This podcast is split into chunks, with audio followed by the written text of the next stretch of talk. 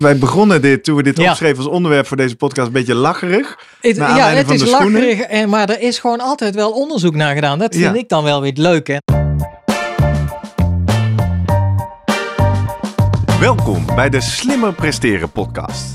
Jouw wekelijkse kop koffie met wetenschapsjournalist Jurgen van Tevelen en ik, middle-aged man in Lycra, Gerrit Heikoop. Over sport, onderzoek en innovatie. Voor mensen die hun grenzen willen verleggen, maar daarbij de grens tussen onzin en zinvol niet uit het oog willen verliezen. In deze aflevering praat ik met Jurgen over sportkleding. Welke invloed heeft de kleur van je shirt op de prestatie? Het is behoorlijk ingewikkeld om te weten in welke kleding en op welke schoenen jij het beste presteert. Daarbij gaat het tegenwoordig niet alleen om het aantal laagjes en de materialen die je draagt. Ook de kleur van je shirt en je schoenen spelen een rol. Of niet soms? Voordat we beginnen, nog even drie dingen om aan te denken als jij zelf ook slimmer wil presteren. Nummer 1. Druk nu gelijk even op abonneren, zodat je altijd direct in de gaten hebt wanneer er een nieuwe aflevering online komt. Nummer 2. Weet dat je Jurgen en mij ook kunt boeken voor jouw volgende bijeenkomst als spreker of presentator. Neem gerust eens contact met ons op via de contactgegevens hieronder. En 3.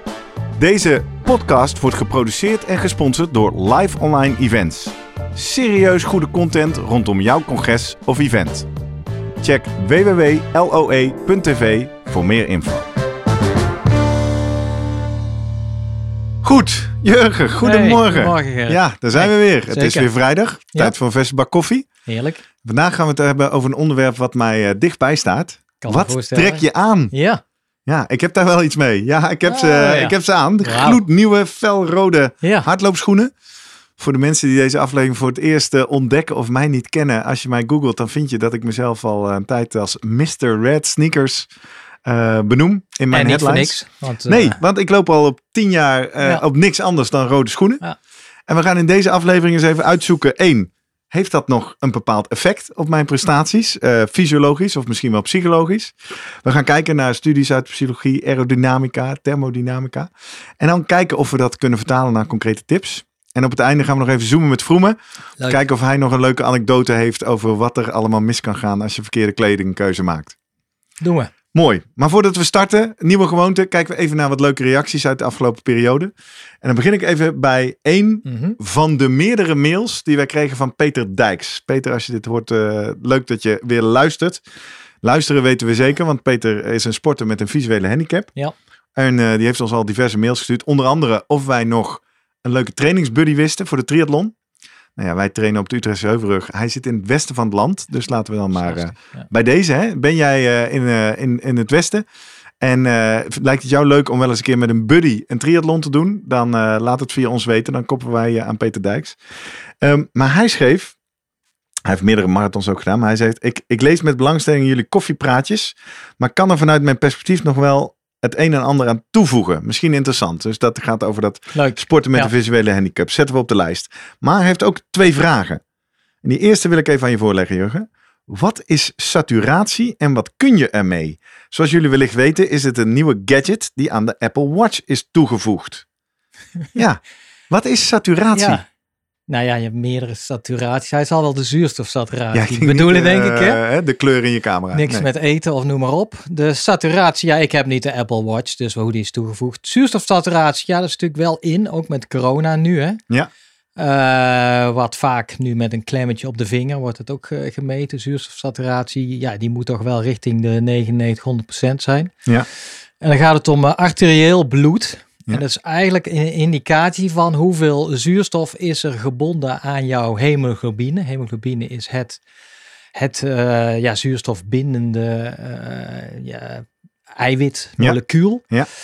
Ehm, En ja, waarom als is het handig om dat te weten? Waarom is een zit dat op goede mijn afspiegeling, omdat hij, ja, nou ja, kijk, wat eerste jaar fysiologie zich me even te herinneren, wat je dan in ieder geval leert, is dat over de, de zuurstofassociatie, dissociatiecurve van hemoglobine. Zet op de horizontale as zuurstofspanning of hoeveelheid zuurstof in het bloed of En op de y-as de, de saturatie in procenten. Ja. En dan is dat een eh, hele mooie S. En eh, ja, dat kun je ook gebruiken dan. Om, op een gegeven moment moet je namelijk dus bij hoge zuurstofspanning. Ja. Arterieel, dus net na de longen. Ja. Als de longen zuurstof hebben opnemen, moet het eh, bloed heel veel zuurstof Hebben. eh, bevatten. Ja. En niet gaan afgeven al aan de weefsels. Op het moment dat je naar de weefsel gaat, dan ga je eigenlijk die S-curve een beetje langs. Dan kom je in die dalende lijn. En dat is een mooie manier waarop dan de, de, de zuurstof vanuit de hemoglobine afgegooid wordt naar de weefsel toe. Ja. Nou, zuurstofsaturatie is denk ik een hele goede indicatie. Er wordt in ieder geval in de kliniek nu gebruikt van hoe goed jouw longen werken in de Ah. opname van, eh, van zuurstof vanuit je longen naar jouw bloed toe. En dat zie je met die coronapatiënten in de IC. Ja, op het moment dat dat eh, ver onder de, de 99 gaat duiken, dus richting de 90, 80, dan is dat gewoon een indicatie. Ja, jongens. Dat er iets aan de hand is. Ja, we nemen weinig zuurstof op en daarmee wordt het ook slecht getransporteerd. De weefsels krijgen te weinig zuurstof. Hoe het in specifieke geval nu van de Apple Watch. Ja, want dat is mijn laatste vraag voordat we weer gauw teruggaan naar de Want sportkleding. ik, die doe je om je pols. Ja, ja, maar die kan dat dus waarschijnlijk meten, net zoals ja. met je vinger. Ja, Maar mijn vraag is dan even, wat moet ik daarmee als amateur? Wat kan ik doen? Ander- anders dan misschien detecteren dat er iets met mij aan de ja hand is. ik ben heel benieuwd van wat hij ziet op het moment dat hij gaat sporten. Of eh, op het moment dat hij eh, eh, slechter gaat ademen of noem maar op. Dus ik, ja, ik geloof niet dat je er... eh, Ja, een le- leuk getalletje waarschijnlijk. Ja, dus maar ik we ben heel er niks mee. Nee. Ik zou dat niet doen. En misschien als het wel zo is, dan komen we erop terug Ja. in een volgende aflevering. Want eh, dit waren alleen maar even de reacties. Ik wil nog twee eh, even highlighten. Want wij zijn ook te vinden op YouTube. Zoek naar het YouTube kanaal van Gerrit Heikoop, dat ben ik. En dan vind je ook iedere aflevering daar. En daar zien we ook leuke reacties. Onder andere onze, onder onze aflevering over prestatieleer of trainingsleer. Ja. Ehm, een vriend van de show, Manuel van Tevelen, jou wel bekend, eh, Ja. beter bekend als Manolo. En wat ik leuk vind, los van dat hij vriend van de show is, hè, via eh, vriendvandeshow.nl slash slimme podcast, level 6 in onze slimme podcast Ja. piramide. vind ik ook mooi om toch even te highlighten dat hij ook kritisch is. Hij zegt gewoon in zijn tweede zin, ik vind dat mooi, maar ik wil graag wat meer concrete info over hoe je prikkelt. En dat, dat is ook goed voor het houdt ons scherp. Ja. Altijd terug naar die tips op het einde. Dus eh dankjewel voor dat, eh, Manolo. En daaronder zie ik Lucas van Rosmalen. En dat is ook een hele trouwe luisteraar Mhm. en reageerde. Hè? Ja. Die naam heb je misschien al vaker gehoord. Ehm, wat ik grappig vond om te merken, ik zei Lucas, hoezo kijk je dat ding Ja. altijd op YouTube? Toen zei hij, nee joh, ik kijk niet op YouTube. Ik luister altijd op Spotify. Maar op. Spotify kan ik niet reageren. Dus dan zoek ik hem op op YouTube en daar laat ik mijn Ah, reactie onder. Dus dat is misschien Ja. een tip. Als je nu luistert op Spotify, je kan dus naar YouTube of naar onze website www.slimmerpodcast.nl. Dan kun je ook altijd onder de eh, afleveringen reageren. Dus eh, nou, Lucas, dank voor al je leuke reacties altijd.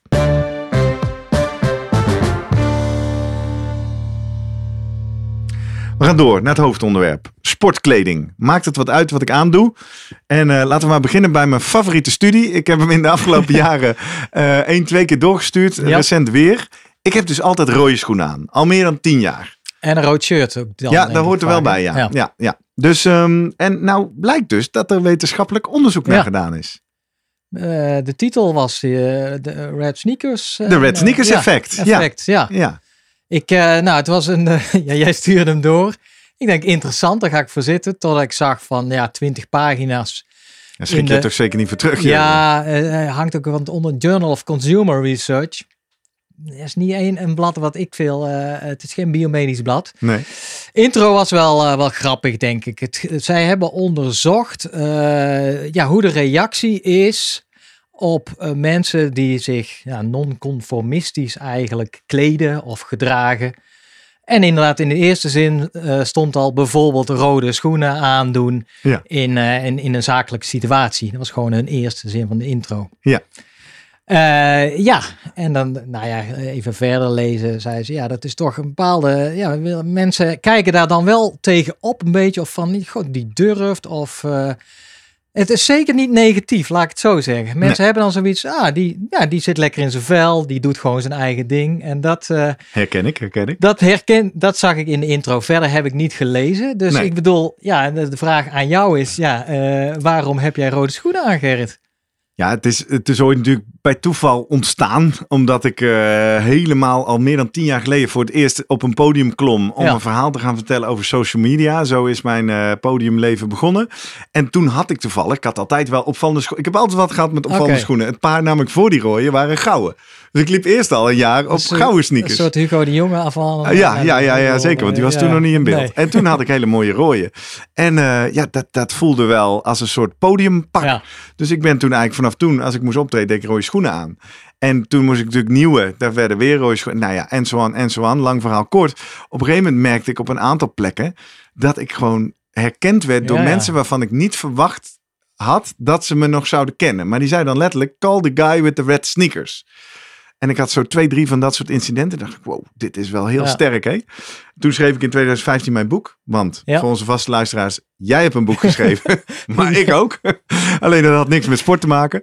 Dat ging over social media. Dat was een managementroman. Daar hadden we een spreker nodig. En die moest daar optreden. En die kreeg een naam. En dat werd Mr. Red, Sneakers. Ja. Toen dacht ik, ja, dan moet ik hem nu ook Ja. ownen ook. Dus toen heb ik sindsdien op mijn LinkedIn en Twitter en Instagram overal die eh, tagline gevoerd. Maar jij hebt wel, ja, je, best wel, het is, het is niet makkelijk om overal maar steeds, eh, je, Nee, moet, je moet nieuwe schoenen kopen ja, en ja, die moeten dan rood zijn. Nou, er zijn twee dingen wel makkelijk aan. Ik loop, ik heb inmiddels, want het is dus al tien jaar aan de gang. Dus ik heb een oog ontwikkeld voor iedere schoenenwinkel. Kijk ik even naar binnen. Het voordeel is natuurlijk wel, je spot ze meteen. Dus je weet ook meteen, hebben ze rode schoenen ja of nee? Nou, kun je doorlopen. Hebben ze ze wel? Dan moet je even gaan kijken. Ken ik deze al? Vind ik ze leuk? Dus het, het shoppen gaat wel snel. Wat bovendien ook heel leuk is, mag je trouwens ook doen als je nu kijkt of luistert. Ik krijg dus regelmatig, is het niet van, uit de vreemdste hoeken, Nee? Schoenen doorgestuurd. Hé, hey, kijk, ik zie rode schoenen. Heb je deze al? Dus dat helpt. Eh, maar het andere, dat is ook waar. Toen ik begon met sporten, voor de mensen die langer luisteren of kijken, dat is nog niet zo lang geleden, 2017, eh, moest ik nieuwe hardloopschoenen. Hè? Inmiddels heb ik eh keurig rode. Maar Mooi, toen ging ja. ik ook zo'n looptestje doen. Nou, allemaal schoenen uitgeprobeerd. En toen zei die meneer, ja, je moet deze schoenen hebben. Dat waren knalblauwe Adidas schoenen. Ik zei, nou, allemaal leuk, maar ik moet wel rode hebben. Ik zei, ja, dat kan niet. Deze zijn in het blauw. toen moest ik dus in een split second Ja. kiezen. Wat vind ik nou belangrijker? Mijn personal brand, mijn merk of mijn Ja. gezondheid? En toen dacht ik, ja, hardlopen, dat is recreatief, dat is privé, weet je wat? Doe mij die blauwe schoenen. Dat heb ik geweten. Blessures. Nee, nee, nee, nee, veel erger. Er kwam natuurlijk wel eens op Instagram een foto langs Ja. of zo dat ik aan het rennen was. En meteen, hé, hey, hoezo Ja, heb jij blauwe schoenen? Ja. weet ik. Dus inmiddels heb ik eh rode fietsschoenen, heb ik rode hardloopschoenen, heb ik rode triathlonschoenen. Dus eh, alles compleet. Maar ging je Eh, ook eh, slechter lopen en fietsen? Had je dat idee? Nee, dat herken ik niet. Ik herken wel dat als ik in... Inmiddels is het zo'n onderdeel van mij... dat er wel iets niet klopt... als ik geen rode schoenen Ja, aan heb. ja. Dus dan is daar misschien een effectje in het placebo of bijgeloof. Maar zijn er nou, er moeten, eh, aan de hand van dat artikel, er moeten meer mensen zijn dus die Ja. rode schoenen. Ja, sterker nog- Is er een club, eh, clubje in? Rode schoenen. ja? Nou, in die afgelopen tien jaar zullen mensen misschien ook herkennen. Ik denk dat het, eh, toen we zo'n vier, vijf jaar erin waren, rond eh 2014, 15, waren op een gegeven moment rode gimpen ook echt een modetrend. Hè? Dus toen zag je ze heel veel. Toen zag je er ook wel veel mensen op lopen. Ja. Inmiddels is dat minder. Eh, ik ken letterlijk, en daar hou ik erover op, een verhaal. Ik werk natuurlijk veel in de evenementen en congressen. Ja. Dat er op een gegeven moment op een grote beurs een andere relatief bekende iemand, hè, Gijs, als je dit kijkt of ziet, die weet wel waar ik het over heb. Die liep rond op die beurs met rode schoenen. En ik kwam hem later in de dag tegen en hij zei letterlijk, ik word helemaal gek. Want ik word door allerlei mensen Oh ja. ongevraagd aangesproken met, vindt Gerrit dat wel goed? nou ja, hoe ver kun je gaan? Maar goed, dat gaat helemaal niet waar we Ja. het nu over hebben. We hebben het over sporten en over het effect. Want die rode schoenenstudie dus laat zien, ja zeker, het heeft een bepaalde... eh, het helpt in je imago bij anderen. Nou, misschien imponeer Ja. ik mijn tegenstanders daarmee. Maar helpt ook in het sporten, hè? Ja, vertel, wat heb je nog meer gevonden? Nou, er is een eh, studie in ieder geval ooit zelfs in Nature gepubliceerd. Nou, dat is eh, iets Het anders meest- dan Journal of Co- Consumer Research. Wel, denk ik, met een knipoog. Waar mensen gewoon geturfd hebben eigenlijk in de Olympische sporten. in de vechtsporten, boksen, worstelen, taekwondo. Omdat je daar hebt te maken met een blauwe broek en een rode broek. ja, ja, ja, ja. En gewoon geturfd. Ja, wie wint, wie wint vaker? Ja, de rode broek. Echt? Ja, En, en met hoeveel verschil? Is Ja, dat, hoe significant is dat? ja wel significant. Ja, anders publiceren ze niet. Maar ik bedoel, is het, is het 70-30 of is het 55, volgens mij was het, 45? nee, wat, wat, wat meer richting die kant. Ja, maar net hebben ze altijd ook de laatste eh, eh, zin volgens mij. Het is als een soort disclaimer van... Ja, en er zijn genoeg mensen die in een blauwe broek ook winnen. Ook kunnen hè. winnen, Dus, ja, eh, ja. Want hoe wordt eigenlijk bepaald wie rood en blauw krijgt? Weet je dat? Dat weet ik eigenlijk niet. Nee, dat zijn ook niet de af. sporten die ik eh, zelf beoefen. Laat, Nee. laat staan dat ik weet hoe dat werkt. Ik zeg ruimte voor aanvulling. Social En, eh, at slimme podcast. Of even post at slimmerpodcast.nl als je nu luistert en je weet dat. Hoe wordt eigenlijk bepaald wie rood en blauw krijgt? Ja. Interessant. En ja, nou, en dezelfde soort studies zijn ook gedaan bij, bij het voetbal. Engelse studie, die zet ik in de show notes. Kwam ik gisteren terloops even tegen. Mensen hebben gewoon geturfd. Van oké, eh, welke. eh, kijk naar de clubs die landskampioen worden, de meeste wedstrijden winnen. Succesvolle clubs in de eh, Premier League. En kijk wat voor shirt zij dragen. Thuis en dan soms als uit. Ja, en dan eh, komt ook rood bovendrijven. Ja, en dan denk je meteen, ja, Liverpool, ja, inderdaad. Eh, Manchester United, ja. Het is gewoon ook vaak de keus van Ajax, een... eh, ja, rood-wit. ja, Feyenoord, PSV, PSV, ook. ja, het is Feyenoord ook. allemaal Al die dus topploegen, ja. Twente, ik bedoel... Ja, en dan wordt er gezegd, ja, rood straalt bepaalde kracht uit, hè? Oké. Ja. Eh, in, de, in die discussie kwam ik nog wel een opmerking van Cruijff tegen. Die, eh, die heeft daar ook wel eens wat over gezegd. Niet zozeer over rood, maar dan over, over zwart. Die vond zwart bijvoorbeeld of donkere kleuren niet kunnen. En gewoon al heel simpel van... Ja, dan herken je de tegenstander niet goed genoeg. Ook ten opzichte ja. van de scheids waarschijnlijk. Kwam ik, en dan is er dan een Nijmeegse studie die daarop voortbeduurd heeft. Die heb eigenlijk niet gekeken van, ja, wat psychologie eigenlijk van, eh, van, van de kleur, maar meer gewoon zichtbaarheid.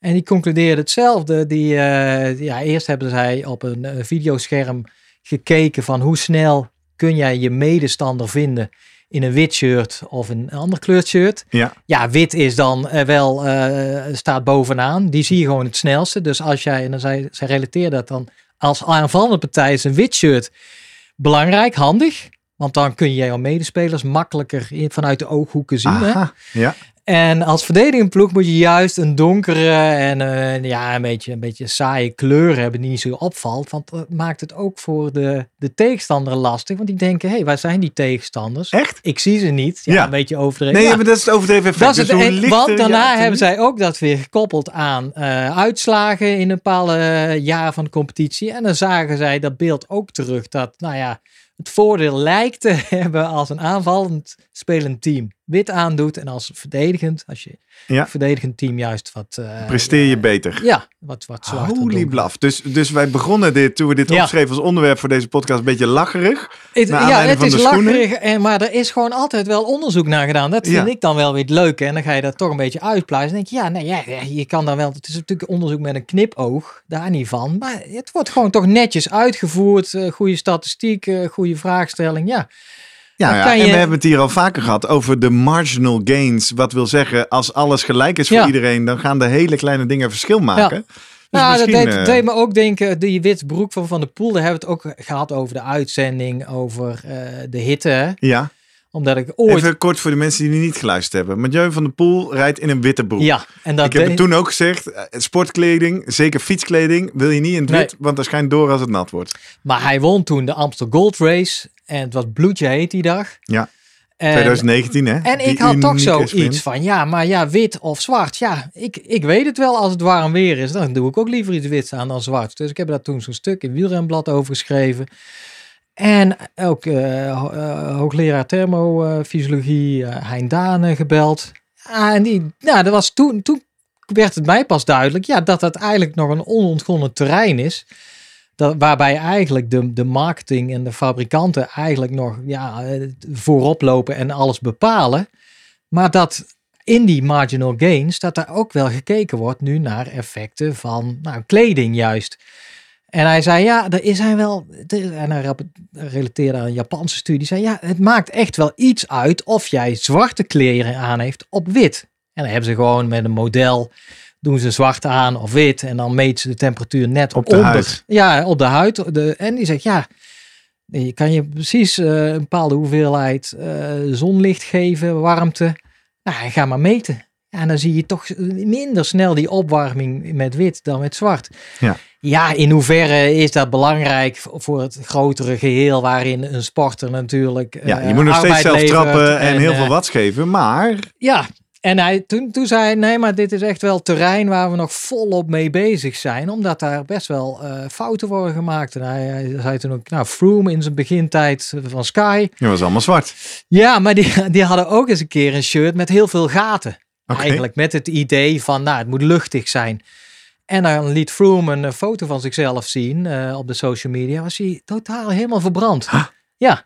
Dus hij zei, ja, zo, eigenlijk is het iets waar Wat mensen... ook weer energie kost. Ja, natuurlijk, hè? Even terug naar de sportprestatie. Ja, ja. Als jouw huid eh, zich moet Dus herstellen. toen had ik zoiets, ja, daar, daar valt nog zeker wel wat te halen. Het is niet alleen de kleur, maar het is heel die textuur. En toen legde je al uit, ja, je kan tegenwoordig ook zwarte kleding kan je laten reflecteren. En, en net zoals met wit. Dus, maar er, er zijn ook smart eh, kleding, eh, kom je wel eens tegen, hè, waarbij je ze al, al eigenlijk... eh, Vertel eens, wat, wat voor voorbeelden Ja, hebben zit, Smart sportkleding. Nou, dat is deels nog ontwikkeling. Ehm, bijvoorbeeld met allerlei sensoren. En sensoren bijvoorbeeld om het zweet te meten. real time. Dat jij gewoon aan het sporten bent en daar dan afspiegeling krijgt van je zweet. En, en wie weet van, nou, los van de elektrolyten. Dus de Ja, vorige hoeveel je zweet, hoeveelheden, misschien eh, ja, de, de concentraties daarvan. eh, als, en dan waarschijnlijk willen ze dat gaan koppelen aan, nou, ga weer drinken, hè, blijf weer drinken. Ja. Eh, maar ook eentje, die vind ik ook wel interessant, van houding. En dan zijn ze juist bij lage rugpijn, bijvoorbeeld bij fietsers. Dat ze hebben, bij- nou, als fietsers lang op die fiets zitten, dan moeten ze af en toe steuntje, steun, letterlijk steuntje in de rug krijgen. En als je dan bepaalde strips, rekstrips in die shirt aanbrengt. Ja. En nou, je kan je voorstellen als dan de, je, de, de rug meer bolt. Ja, dat daar dan een signaaltje gegenereerd wordt. Wat jij kan, kan terugsturen naar bijvoorbeeld de meter op het stuur. Wow. Van hey, let op. Dat je jou actief vertelt, je moet je houding Ja, wat aanpassen. Ja. En eh, nou, ik weet van de short trackers is zo'n pak ook wel eens ontwikkeld. Ik weet niet het Nederland, die waren er ook mee bezig.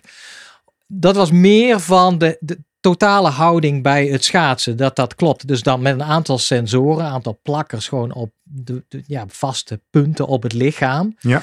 Kan je eigenlijk feedback geven van zit jij nog wel diep genoeg? Oh ja. En dat kan je dan doen als, als iets niet goed gaat door juist specifiek daar te gaan trillen. Oh ja. Dan weet je, ah, hey, even opletten. Heuphoek, even, ja, kniehoek, nou, eh, rug. Ja. dus dat eh, is in de serie eh, Smart eh En, en hoe, hoe innova- hè, wij spreken hier over sportonderzoek en innovatie. Hoe Ja, vind- innovatief is dit in de zin, hoe ver van de markt is dit nog? Is dit puur Eh, experimenteel of wordt ja, er al mee... nou, eh, ik denk wel, ik weet van de loopschoenen zijn ze ook wel bezig met sensoren daarin. Die, maar daar kom je meer uit inderdaad op paslengte eventueel en, en pasfrequentie.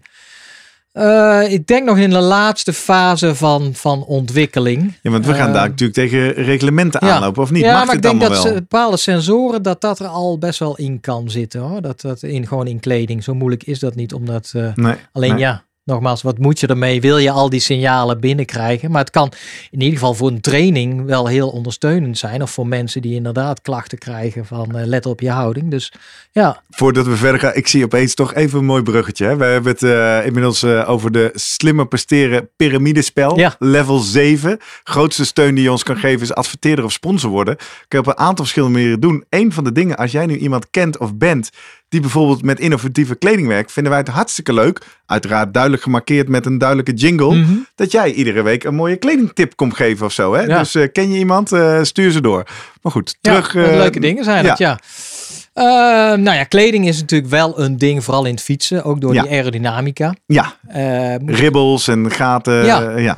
Ja. nou ja, ik eh, vertelde al, ik was toen eh, in de windtunnel, hè, met, eh, want ik heb een boek geschreven. Nou, toch even. Ja, maar dit is een inside Ja, joke. jij maar een er zijn ook Ik. mensen van nieuw. Jouw Ah. boek.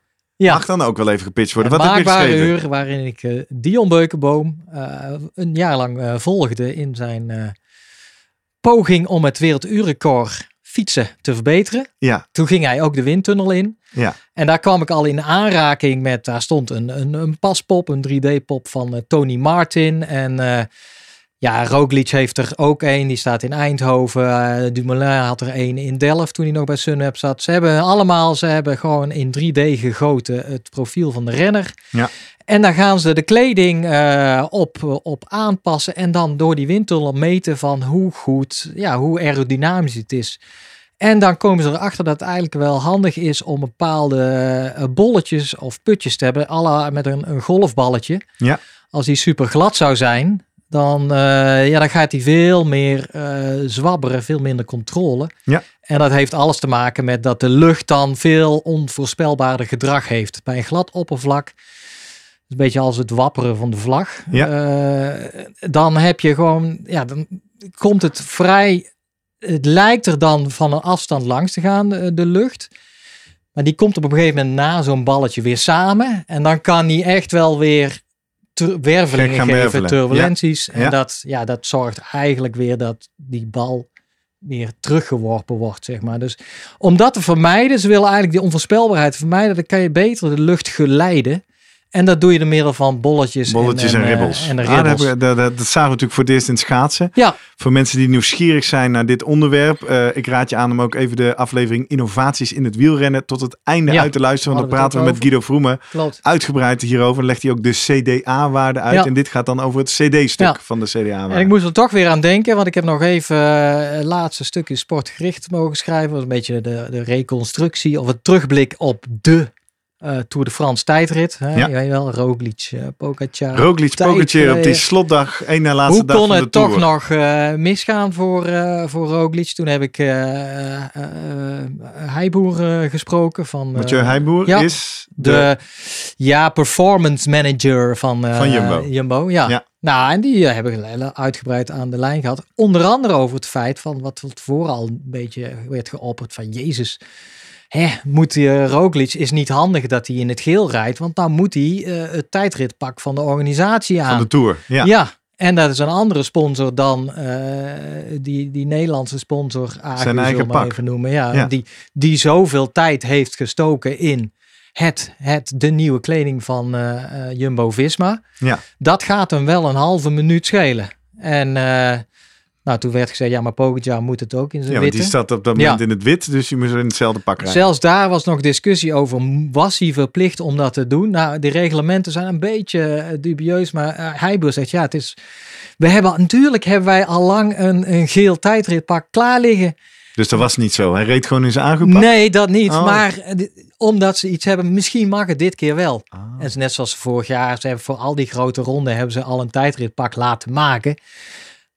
Om een beetje, en dan hopen ze, en dan gaan ze wel eens even nog bij die organisatie aankaarten van, nou ja, eh, wat vinden jullie ervan? Maar me- meestal zeggen ze, nee, dat doen we niet, want ja. Hm. eh, dus dan is het zoiets van, ja, eh, je kan je twee kanten op. Of toch doen, en dan het risico nemen van een boete. Nou, Ja. financieel Allah. Maar je kan ook gewoon een, eh, een, eh, eh, een tijd, tijdsstraf krijgen. Ja, en dan heeft het allemaal geen zin natuurlijk. Dus, en dan hebben ze zoiets, ja, dat risico gaan we dus niet nemen. Maar ja, hij, hij vindt, hij verbaast zich wel over. Hij zei, ja, in welke andere sport heb je dat nou? Dat je, ja, dan ben je de leider van, van, eh, eh, van het klassement. En dan moet jij iets anders aandoen. Alsof, dan je eh, eigen beste gear. dus hij zei, ja, dat, dit is hetzelfde als bij, dat je bij de Formule 1 Hamilton in een, in een wagen van, van de organisatie la- laat rijden. Of Dat klopt ook niet. Dus, nee, nou ja. nee, nee. Goed, uiteindelijk. dan even dit stukje vertalen naar de wereld van de amateur. Ja. Eh, UHTT kledingpasavonden. Moeten wij triathlonpakjes Ja. uitzoeken en passen. Ook als je fietskleding gaat bestellen. Ja. Heb ik inmiddels uit de wandelgangen hoor ik daar van de mensen die al veel langer sporten. Doe maar een maatje kleiner. Ja, Toch? Hè? Ja, Fietskleding, triathlonpakjes eigenlijk een maatje kleiner Ja. dan comfortabel is. Ja, Want dan ja. kleedt het tenminste de kleedt het mooi. Ja, da- maar daar heb ik zelf wat moeite mee weer, merk ik. Met, name hoe, als het strak zit, vind ik het ook, vooral bij, bij het lopen en zo, fietsen. En dan vooral, dan zit zo'n gaat het zo ritje. snijden. Ja, hè? en, en dan dat labeltje achter. Dat is Ja. ook één ding wat je meteen uit wil knippen of zo. Ja, En dan moet Maar heb jij dan doen een flubberend triathlonpakje de Nee, buik? nee, nee. Bij het fietsen doe ik dat tegenwoordig ook niet meer. Ja, maar ik ben wel, ik relativeer ook wel van, nou jongens, hoeveel verschil gaat dit uitmaken? Dus, eh, Nou ja, we horen net bij, bij, bij Roglic Ja, was zeker. een halve minuut. maar ja, dat is de rook. Maar die rijdt ook boven de 40, hè? Ja, precies. Daar hebben we het met Guido over gehad. Dan moet je wel een bepaalde snelheid halen. Dus eh, ja, kijk, te strak. eh, Kijk, bij het zwemmen hebben we het ook over gehad dat die, in die tijd van de, van de, de pakken, dat Ja. dat mocht. Dat, dat, sommigen twee pakken over elkaar heen dingen en, en echt probeerden om zich zo klein mogelijk daarin te maken. Ja, alles is te trainen, denk ik ook. Dus ook in een strakker pak. eh, ja, toch? Ja, Even maatje kleiner. ja. Hey, en dan nog één ding in het fietsen wat we volgens mij even moeten raken. Want we hebben Ja. dus over kleur gehad. We hebben het over stoffen, innovatieve kleding. Ja. Super interessant. Dan is er nog zoiets als de vloek van de mooi, hè? regenboogtrui. Wat is dat? ja, dat is toch iets wat elke keer weer opduikt wanneer er maar iets gebeurt met een, eh, iemand, ja, met een renner die eh, wereldkampioen is en dan in de regenboogtrui eh, rijdt. En ja, of ineens geen deuk meer in een pakje boter rijdt. Mhm. Of pech krijgt juist. Of, nou, en dan wordt dan al gezegd de vloek van de regenboogtrui. Dat is echt zo'n ding. Want iedereen weet wel de voorbeelden te noemen van... ja, zo'n regenboogtrui wil je liever niet dan wel. Nee. En eh, Dit ja, jaar, Ala Philippe, was dat al eens een regenboogtrui? Die sprint Ja. die die miste met Ja. de vroeg juichen? Ja, Ja, toch? dat was het mooi, ja, ja, ja. een mooi voorbeeld ervan. Later knalde hij dan ook nog op een, een, eh, Op een motor? Oh ja, ook nog in de Giro. Ja, en eh, ja, goed, eh Annemiek van Vleuten, die ging als een tierenlier in die En die liet ook steeds blijken, ik ben blij dat ik hem aan mag doen en ik ben er trots op. Ja, totdat ze in de, de Gira Rosa heet dat, eh, Ja. voor, voor dames, viel. Nou, einde seizoen. Ja, dan heeft ze nog wel dat nieuwe, de, de wereldkampioenschap deed ze toen wel weer mee, heeft ze de trui ook verloren. Het zit toch wel, eh, ja, eh, er gebeurt iets Maar met terug naar de wetenschap. Is Ja. hier onderzoek naar ja, er is dus heb ik een paar jaar geleden een stukje over geschreven in, eh, op Het is Koers, hè, wel Ja. bekend. Ja. Beetje een geinig stukje. Het ging over Sagan die toen eh, die regenboogtrui voor het eerst droeg. Ja, nee, dat is eh, een Zwitserse eh, wetenschapper heeft toen eens besloten, ik ga er eens naar kijken. Hoe zit het? Eh, en, eh, want, eh, en dan wel met een knipoog. Het kwam in tijd, eh, het kerstnummer van de British Medical, British Medical Journal. is best een, een hoog tijdschrift. Ja. Goed tijdschrift, maar die hebben elke In het kerst- kerstnummer doen ze even wat geinig onderzoek. met, Net zoals wij vandaag met met, een dit kwinkslag. En, ja. eh, dus hij zei, nou, ik ga het eens even uitzoeken van eh, of dat er is, de, de vloek van de, van de regenboogtrui. En zijn benadering is eigenlijk, zei hij, nou, als referentie neem ik de winnaar van de, de Ronde van Lombardije. Of de, en dan zei hij, ja, want ga kijken het jaar erop eigenlijk van hoe goed presteert dan de wereldkampioen en de, de winnaar van de Ronde van Lombardije. Eh, nou, is dat eigenlijk nog steeds hetzelfde als het jaar waarin hij die kampioen werd? Dan is er gewoon, ja, dan heeft het iets te maken met eh, het feit dat ineens mensen gaan, gaan opletten van, hey, ja, dat je meer hij, wint een, hij wint eens een keer niet of zo. Ja, Hey, ja, hij, wint, hij wint weer niet, hij wint weer niet. Dus dat is meer van, ja, je bent ineens bekend geworden eh, door het feit dat je eh, die, die regenboogtrui hebt. Ja. Of is het daadwerkelijk een dingetje van, eh, en gaat dus degene in de, in de regenboogtrui echt significant slechter presteren ten opzichte van die winnaar van de Ronde, Ronde van Lombardije? Wat vond hij? Ja, en de derde optie, moet ik toch nog maar bij zeggen. Of hij zegt, ja, het is gewoon statistiek van je hebt wel eens een minder jaar. Dus dat zou betekenen dat en de, de winnaar van de Ronde van Lombardije het iets minder doet. En eh, Ja. ook de regenboogtrui. Nou, hij vond uiteindelijk... Ja, hij zag wel eh, dat er echt een verschil was van het jaar waarin iemand die ron- de, de winnaar van de Ronde van Lombardije of eh, wereldkampioenschap, die eh, gemiddelde aantal overwinningen was, was 5,08 meen ik. Mhm. En het jaar erop was het gedaald naar 4,2 of zoiets. En dat was eigenlijk hetzelfde een beetje voor beide, eh, ja, voor, voor, voor beide winnaars. Oké. Eh, eh, dus hij, hij, hij concludeerde eigenlijk, ja, ik, het is moeilijk, maar uit de statistiek kun je niet anders. ja, die, die is dan onverbiddelijk. Die zegt, nee, ja, het, het is dus echt niet de vloek van de regenboogtrui. Het is gewoon, ja, regression to the mean noemen ze dat dan. Van ja, het is logisch dat je niet elk jaar eh, top presteert. Daar zit gewoon precies, gewoon variatie natuurlijke in, variatie. et cetera. Ja, het, eh, het kan, maar het is wel opvallend steeds dat er toch wel dingen gebeuren. Ik heb daar naar de historie toen eens een beetje Maar ik ben eigenlijk, als ik nu naar jou luister, ik denk eigenlijk dat het vooral is opvallend dat er steeds dingen gebeuren. Nee, wacht even. Ja, Er je- gebeuren dingen en omdat jij de wereldkampioen Ja. bent, valt het heel erg Ja. op. Ja. Toch? Ja. Ja, en dan heb, maar dan hebben ze juist dus de gebeur, maar ook het aantal minder overwinningen. Daar Zijn idee was ook van ja, het feit je rijdt ineens rond in een witte trui met, Ja. met regenboog. Iedereen weet meteen van ah, Ah, daar dat is is hij. Alaphilippe. Daar moeten we achterheen of Ja. die laten we niet gaan. Ja. Terwijl voorheen in zijn eh, andere gewone eh teamshirt ja, daar kon je nog van, nou, wie, wie is dat precies? Van, ja, en dan ben je alweer een half seconde te laat en is hij weg. Precies. Ja, dus, mooi. Uh, nou Leuk. ja, goed. Ik, ik vind het wel weer leuk dat ook daar dus onderzoek naar gedaan wordt. Ja. En, uh, en er toch wel serieus naar gekeken wordt. Hey, en dan uh, afsluiten, oh, niet afsluiten, maar tussenconclusie met uh, de, de opmerking van jouw broer en vriend van de show Manolo in gedachten. Concrete tips. Eén, rode schoenen. Zeker, maar die Ja. zijn van mij. Ja, dus eh, laten we zeggen, maar goed, het straalt, eh, het helpt in Ja. je uitstraling. Ja. Maar dan, als je voetbalt, en wellicht dus ook wel in andere sporten, rode Rood. shirts, Ja, dat eh, verhoogt je kans op winst. En als je een aanvallend voetbalteam bent, lichte kleding, Ja, misschien zelfs wit. wit. Als je verdediging bent, donker. Dat maakt echt wel uit. nou ja. dus doe daar ja. je voordeel mee en denk na over als je kan kiezen Ja. over kleding. Ja, doe me Ehm, toch nog denken inderdaad uit die eh, donkere kleding. In- in- in- v- Er werd vroeger ook altijd gesuggereerd dat de, de dopers, de bewuste dopers in Ja. het wielerpeloton, juist die wilden nooit herkend worden op de fiets. Dus dat die inderdaad camouflageachtige kleding, gewoon donkere kleding aan hadden. Ik challenge je even, want Eh, ik ga toch niet eerst dopen en dan mijn team kiezen. Ik bedoel, ik zit Nee, bij een bepaalde ploeg. En ik dan, zit te eh, denken gewoon aan het feit van eh, dat je altijd iets hebt, denkt van, ah, die heeft wat te verbergen. Ja, ja, ja. ja. Dus ook een. eh, en dat vind ik wel. eh, heb ik ook tegen de UITT gezegd.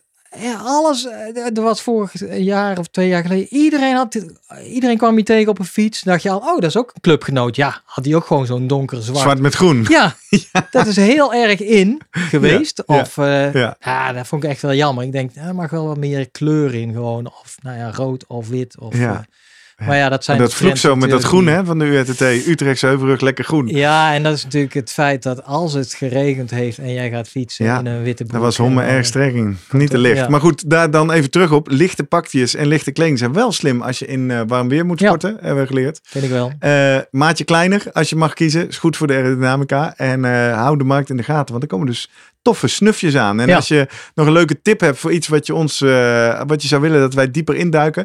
Nou, je hebt gemerkt, mail ons of eh, bericht ons via social media. En we gaan erop in. Maar nu eerst even zoomen met Vroemen. Om te horen om, eh, of hij nog een mooie anekdote heeft. Ben benieuwd. Over wat er mis kan gaan bij verkeerde kledingkeuze. We gaan zoomen met Vroemen. Zoom, zoom, zoom. Vroom, vroom. Guido, goedemorgen. Goedemorgen Guido. Goedemorgen. Welkom weer deze week. Eh Jurgen en ik hebben net veel plezier beleefd over eh, iets wat onwaarschijnlijk er niet toe doet, maar toch eh, behoorlijk relevant kan zijn in de marge. Kleding, kledingkeuzes, kledingkleuren, pakjes.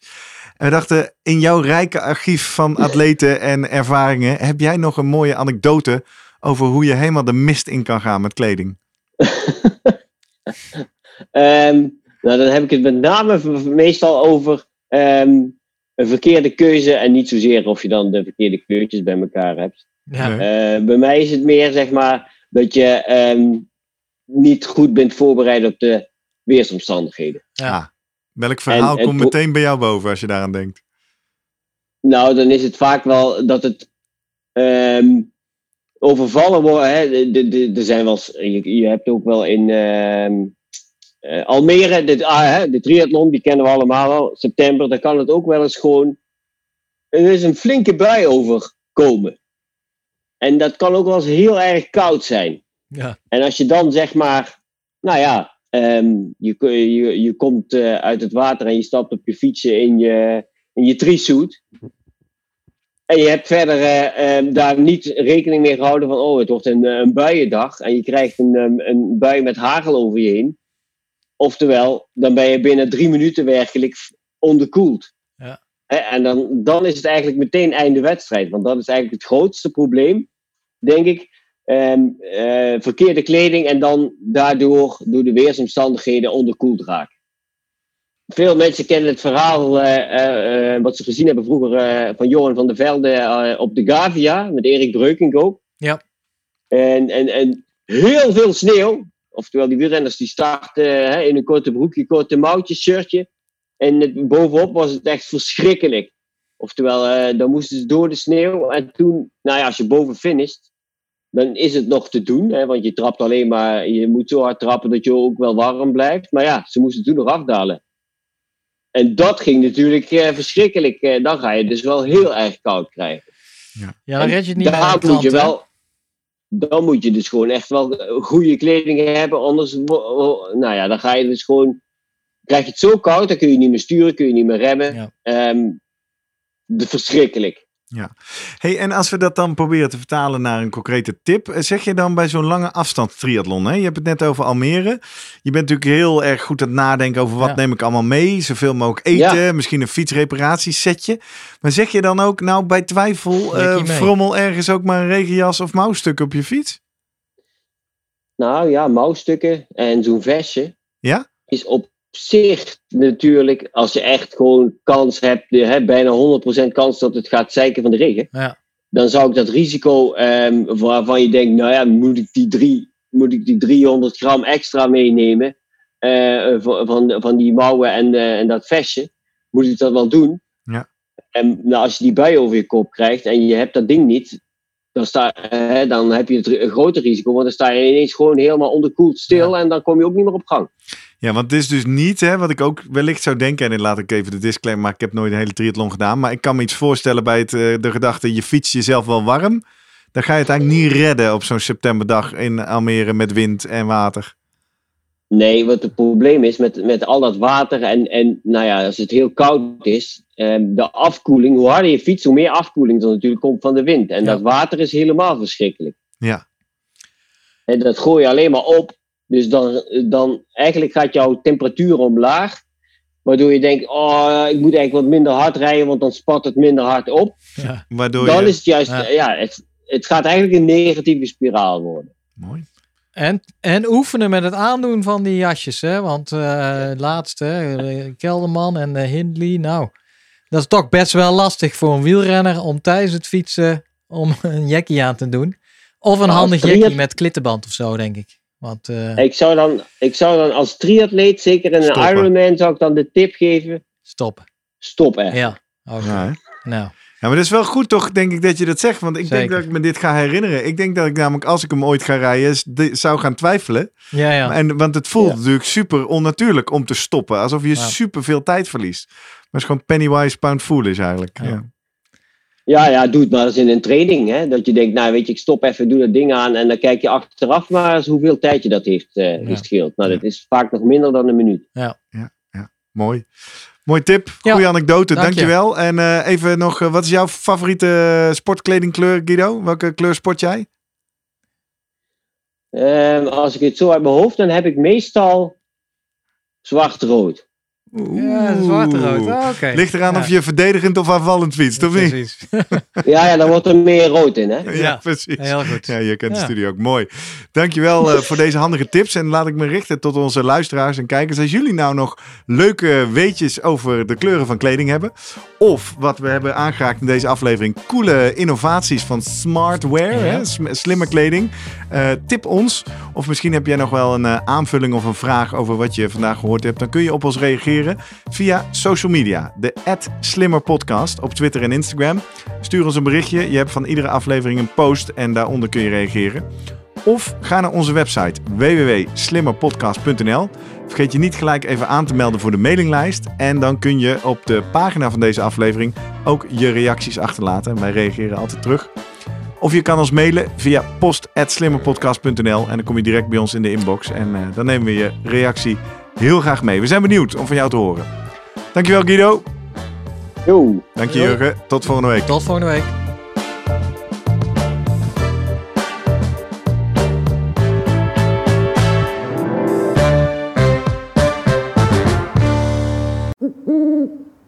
Hey, pst. Voordat je weggaat, denk er nog even aan uilentorenloop.nl. Dan zien we je de eerste zaterdag van juni. Tot dan!